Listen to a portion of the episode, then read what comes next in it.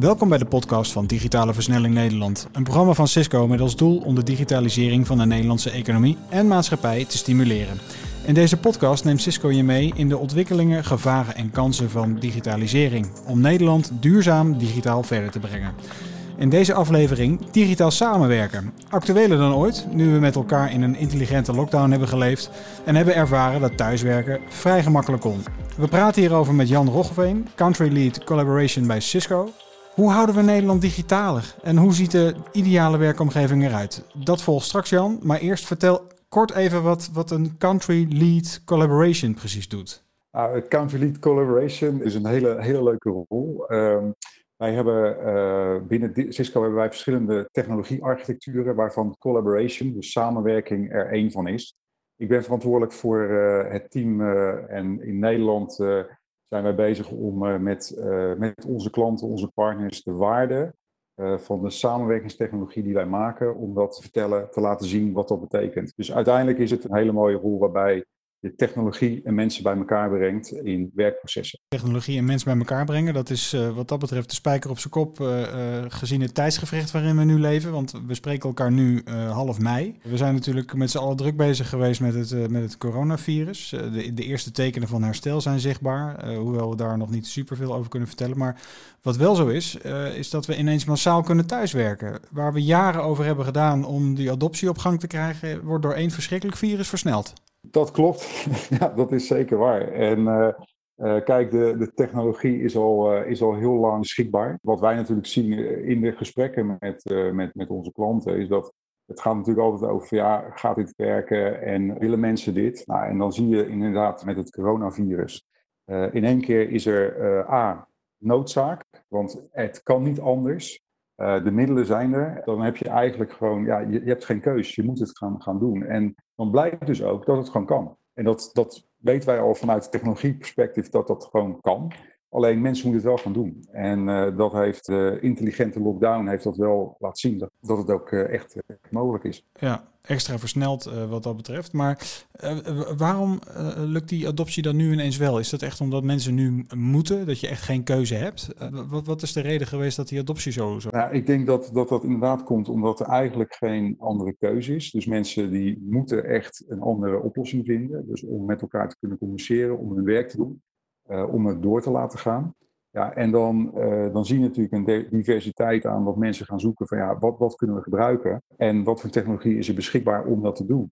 En een van de dingen is dat beeldcommunicatie heel erg belangrijk is. Dus dat je elkaar ziet, je ziet die non-verbale communicatie. Dat maakt het dat je dus op, uh, op afstand met elkaar eigenlijk je werk kan blijven doen. Waar normaal hele adoptieprogramma's voor gemaakt worden, dan blijkt dus eigenlijk dat als het echt moet, dat mensen dus ook zeggen, ja, ik ga het ook gewoon doen, omdat ik niet anders kan. Ik wil uh, verbonden blijven met mijn collega's, met, uh, met mijn familie, met mijn organisatie. Nogmaals, het gaat over werkprocessen en dat doen mensen. Nou, en je moet met elkaar communiceren. En als je elkaar dan ziet, is dat wel heel erg prettig. Is jouw werk ook veranderd de afgelopen maanden? Je moet, je moet eerst uiteenzetten welke mogelijkheden er allemaal liggen voor bedrijven. En nu blijkt ja. dat het ineens massaal gewoon kan en dat het werkt. Ik werk natuurlijk in een uitzonderlijke situatie, omdat ik bij een bedrijf werk die de technologie maakt. Dus wij uh, gebruiken natuurlijk onze eigen uh, technologie.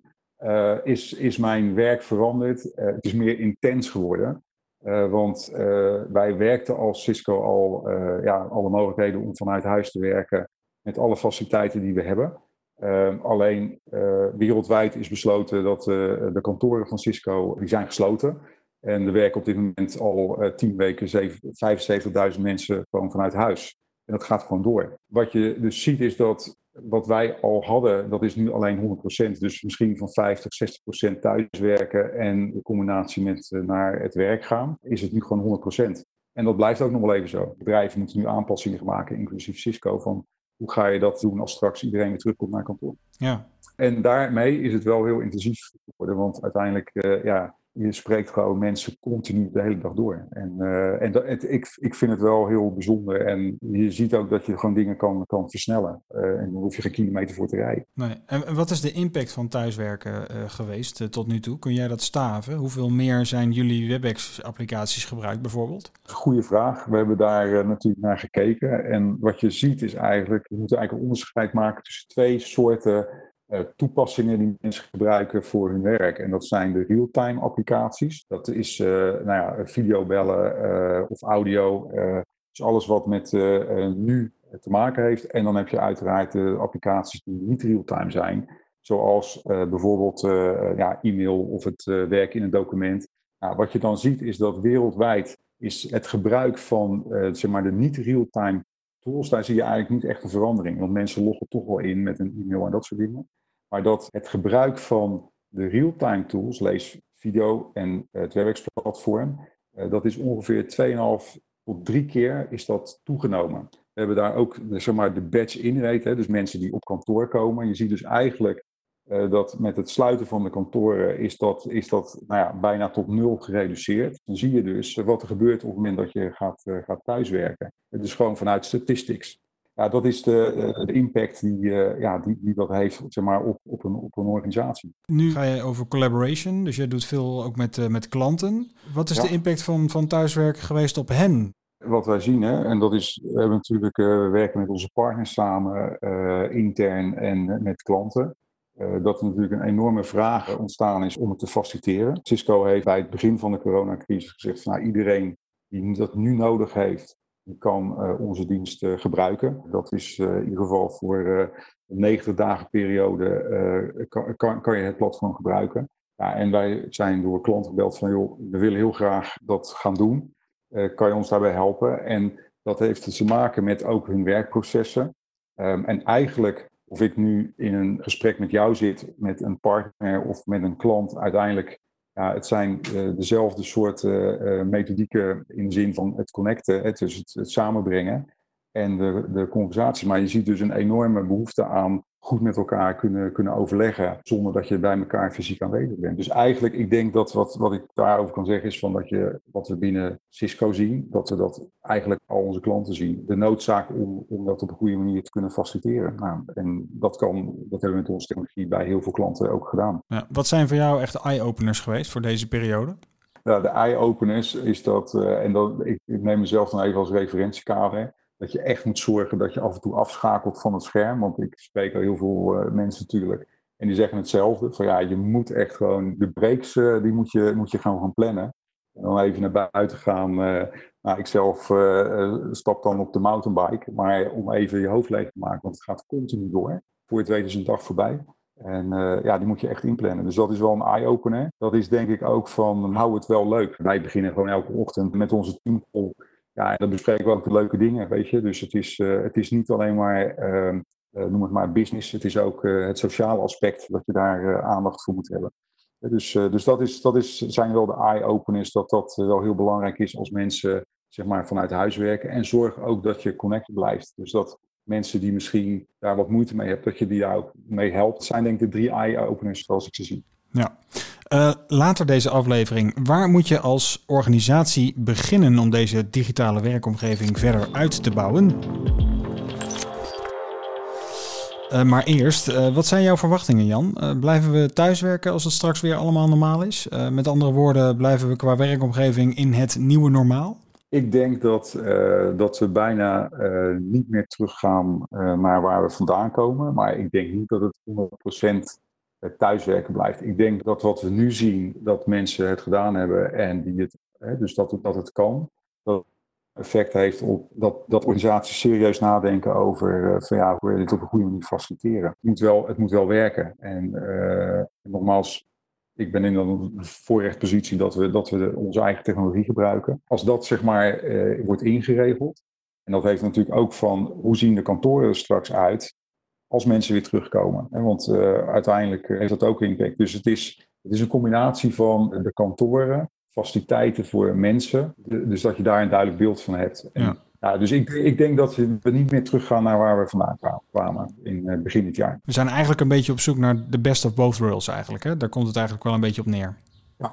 ja. Om dat ook gewoon als feedback te geven, en dat is ook vanuit gesprekken die ik met mensen heb, die zeggen van eigenlijk heeft dit ook wel een voordeel. Want ik bedoel, uh, ja, we staan uh, in januari stonden we nog in enorme files met heel veel reistijdverlies. Uh, en dan moet ik eerlijk toegeven dat het nu ook wel zo lekker is om in de auto te zitten. Als we de best of both worlds hebben, dan kan je daar gewoon goede combinaties mee maken, ook met, met je privéleven. En ik denk dat mensen dat ook wel nu ervaren, dat, het gewoon, dat dat dus ook kan. Ja. Als mensen in ieder geval geen les moeten geven voor hun kinderen. Maar als dat een normale situatie is, dan, dan is dat heel goed te doen. Wie had dat gedacht, hè? dat we zouden zeggen dat het fijn zou zijn om in een auto uh, te zitten. Hey, maar voortbordurend uh, hierop, hè? neem ons eens mee in de ontwikkelingen. Hoe zien jullie dit verder verlopen? welke signalen krijg je uit het bedrijfsleven? Wat wij doen vanuit technologieontwikkeling is dat we eigenlijk wat, wat wij voor ogen hebben, is dat we het maken en het plannen van, van meetings zo eenvoudig mogelijk voor mensen willen maken. Dus dat je eigenlijk niet hoeft na te denken over van uh, ik, ik moet allemaal dingen regelen. Ik, je, doet mee in de meeting. Nou, dat, dat is vanuit technologieperspectief. En dan gebruiken we artificial intelligence om, om data die, of informatie die we al hebben, om het eigenlijk voor gebruikers uh, makkelijk te maken. En dat is een voorbeeld daarvan is bijvoorbeeld als je in een meeting zit en ik sta gezichtsherkenning toe, dat mijn naam wordt geprojecteerd in de meeting. Maar dat betekent ook dat um, en dat is meer voor ruimtes, hè, dus, dus de ruimtes van uh, binnen bedrijven, grote vergaderruimtes. Dat mensen automatisch goed in beeld zijn. Dus dat je eigenlijk heel, altijd heel goed de non-verbale communicatie kan zien. Dus dat zijn, dat zijn technologische ontwikkelingen. Dus alles wat we kunnen doen om het makkelijker te maken en eenvoudiger voor mensen om, uh, ja, om met elkaar hun werk te doen. Dus dat is uh, zeg maar wat we aan de technologie kan doen. Kijk, en wat er verder voor nodig is om binnen organisaties dat op een goede manier in te voeren. Dat is natuurlijk ook gedreven door de, de huidige situatie. Dan zou je moeten nadenken, hoe ga je om met je, met je gebouwen? Uh, nou, nogmaals, het, het, het, eh, het, stuk aan de, aan de uh, werknemerskant. hoe ga je dat regelen? Ja, en dat heeft natuurlijk ook bijvoorbeeld, als je dat echt goed wil invoeren, dan heeft het natuurlijk ook personeelszaken dat, dat je daarover moet nadenken hoe dat precies gaat. Dus die, die zaken die gaan dus vanuit een technologisch aspect, dat, dat wordt, ja, zou ik zeggen, alleen maar mooier. Alleen dat wil niet zeggen dat mensen dat automatisch gaan gebruiken. Maar op het moment dat ze het gebruiken, dan, dan, zien ze wel de voordelen van de technologie. Er zullen ongetwijfeld wat bedrijven eh, zijn die, die dit, deze podcast gaan luisteren en die horen dit verhaal en die denken, ja, ik, ik, dit, dit, dit klinkt prachtig, maar hoe ga ik dit nou faciliteren? Wat is dan jullie antwoord? Wat, hoe, hoe ga je dit als, als bedrijf uh, faciliteren? Je hebt nu de afgelopen periode meegemaakt dat het... Uh, dat, dat, dat men het toch uh, adopteert, dat men er toch mee bezig is. Je wil dat verder uitbouwen, je wil helemaal klaar zijn voor de toekomst. Wat, is dan jullie, jullie plan, jullie aanpak? Nou, dan is het heel belangrijk in wat voor segment je werkt. Een ziekenhuis zal een heel ander werkproces hebben dan een, een handelsbedrijf. Kijk, dus collaboration, samenwerken, bestaat maar uit twee dingen. Dat is informatie delen en communiceren. Dus wij delen informatie via schermen, of je dat nou op papier doet of uh, via een scherm en je communiceert met elkaar. Maar elk proces is anders. En als je dus goed weet van wat is intern het interne proces en het externe proces ook met klanten, dus hoe blijf je in contact met klanten, dan dat is eigenlijk de basis. De technologie moet faciliterend zijn aan het proces. Dus als mensen dat, of organisaties dat willen invoeren, dan, dan uh, is het van ja, hoe doen wij eigenlijk ons werk? Dus hoe werken wij? En uh, uh, hoe willen wij werken in, een nieuwe ontstaande situatie? En dat is eigenlijk leidend voor de keuze in de technologie. Kijk, dan heb je natuurlijk het platform. En we hebben zeg maar de, nou ja, de apparatuur die je in, dus, dus in, in de meetingruimtes kan, kan plaatsen. Nou, als, je, als je dat eerste stuk goed gedaan hebt, dan volgt daar eigenlijk gewoon van, ja, dan zou je dat op deze manier kunnen faciliteren. Kijk, om een voorbeeld daarvan te noemen, als je in een hele grote ruimte zit met twintig mensen, dan is het gewoon handiger om een groot scherm daar te hebben hangen niet onder het grote scherm, maar omdat dan iedereen dat goed kan zien. Weet je, dan ga je niet met een klein schermpje achter met, uh, met 20 man achter een laptop zitten, bij wijze van spreken. Dus, dus dat, dat is bepalend hoe je dat invult. En als je dat goed doet, dan kan je op die manier zeg maar, uh, de zaak van faciliteren. Maar het proces is altijd leidend. Ja, is het ook zo dat je, hè, want we zijn allemaal eh, goed in het doorrekenen, de, de, de ROI achterhalen. Heb je daarvoor uh, modellen nodig om dat uit te rekenen? Of zijn de ongrijpbare factoren zoals werkgeluk, zijn dat ook facetten die je moet meenemen? Het is beide. Kijk, je, uh, mensen zijn altijd op zoek naar harde cijfers. Hè, van uh, wat gaat het voor ons besparen? Wat gaat het topline opleveren? Wat gaat, kunnen we daar de kosten mee verlagen? Dat zijn, dat zijn altijd dingen die, die, die, spelen. Want uiteindelijk investeer je in, in technologie en je wil dat dat, dat dat iets gaat opleveren. Dus de business case die, eh, die zal altijd gemaakt eh, blijven worden. En daar zijn uiteraard tools voor. Een voorbeeld daarvan, je kan een vierkante meterprijs uitrekenen van een gebouw. Wat kost het per vierkante meter per medewerker? Ehm, hè, dus dat, dat, is een, dat is een gegeven. Ehm, en uh, wat is de bezettingsgraad van een gebouw? Dus als je daar, want je betaalt wel voor de vierkante meterprijs, maar als daar niemand zit, dan zijn dat hele dure vierkante meters. Nou, dus, dus dat is aan, aan de. Aan, nou, zo zijn er allemaal van dat soort uh, metrics die je kan neerzetten voor de business case te bouwen. De andere kant, dus, dus werknemersgeluk, dat mensen het prettig vinden, betere. Um, uh, dus dus de, de work-life balance, om het zo te noemen, dat dat, dat, dat, dat, dat kan je ook in feite meetbaar maken met nou, onder andere surveys. Maar ik denk dat, dat uh, mensen die uh, lekker in hun vel zitten, in hun kracht kunnen werken en uh, gefaciliteerd worden voor de organisatie, dat die ook beter performen. Ja, en dat, dat is natuurlijk moeilijk in een spreadsheet te zetten. Dat is meer van, ja, als je dat invult, dan is dat een verwachte uitkomst. Maar dat, dat is een combinatie van technologie en hoe je omgaat met je mensen binnen de organisatie. Dus dat is, ja, het is beide. En uh, ja, en als je dat beide goed doet, dan, dan uh, uh, ja, ik denk dat dan productiviteit van, van mensen ja, toeneemt. Gaan bedrijven ook sneller aan de kostenkant denken en, en vergeten ze wat ze besparen? Is dat ook een, een, een zeg maar even tussen aanhalingstekens probleem van hoe de mindset bij bedrijven is als ze aan, aan verder digitaliseren denken? Want ik kan me zo voorstellen, als je mensen vaker thuis hebt werken, heb je inderdaad minder ruimte op kantoor nodig. Heb je, bespaar je waarschijnlijk uh, reiskosten. Um, dat, zijn, dat zijn eigenlijk ook weer zaken die je natuurlijk wel meenemen in die doorrekening. Dus dat is ook een kostencomponent wat je zeker in zo'n case meeneemt. Want wat, wat betekent dat als uh, 50% uh, minder reiskosten? Ja, en dat, dat, dat is dan ook van dat soort berekeningen, als je dat dan, wat je daarmee zou besparen in technologie, dus goed op een goede manier kan inzetten uh, om de medewerkers te faciliteren. Dat is eigenlijk hoe het werkt. We hebben het in het begin ook over die adoptie gehad, van uh, waarom dat zo lang heeft stilgelegen. En ik was even meer naar, naar op zoek van, zijn het ook bedrijven die dus eigenlijk vooral naar, naar de kostenkant kijken, dus vooral naar de negatieve kant kijken en, en daarom maar bij het oude blijven? Ja, zeker. die, zijn er, die, die zijn er, ja. Dus dan wordt het alleen maar gekeken van wat kost het per medewerker. Uh, in de zin van, uh, ja, ik, uh, en dat, dat moet naar beneden. Maar er wordt dan niet naar de opbrengstkant gekeken. En uiteindelijk is het zo van, en daarom is zo'n zo'n zo'n zo'n berekening wel belangrijk om daar alles in mee te nemen.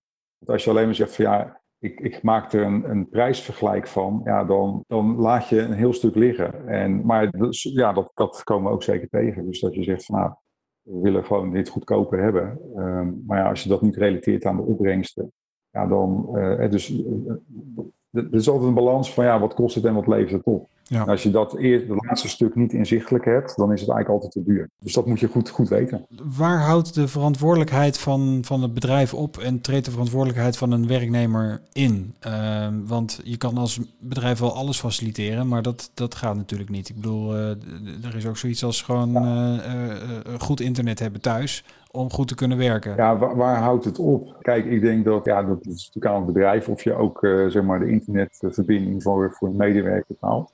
Maar als je de technologie, als dat, als dat werkt, kijk, op het moment dat je thuis werkt, moet je natuurlijk wel thuis werken en niet andere dingen doen. Nee. En dat betekent dat je dan wel ook weet wat je moet doen.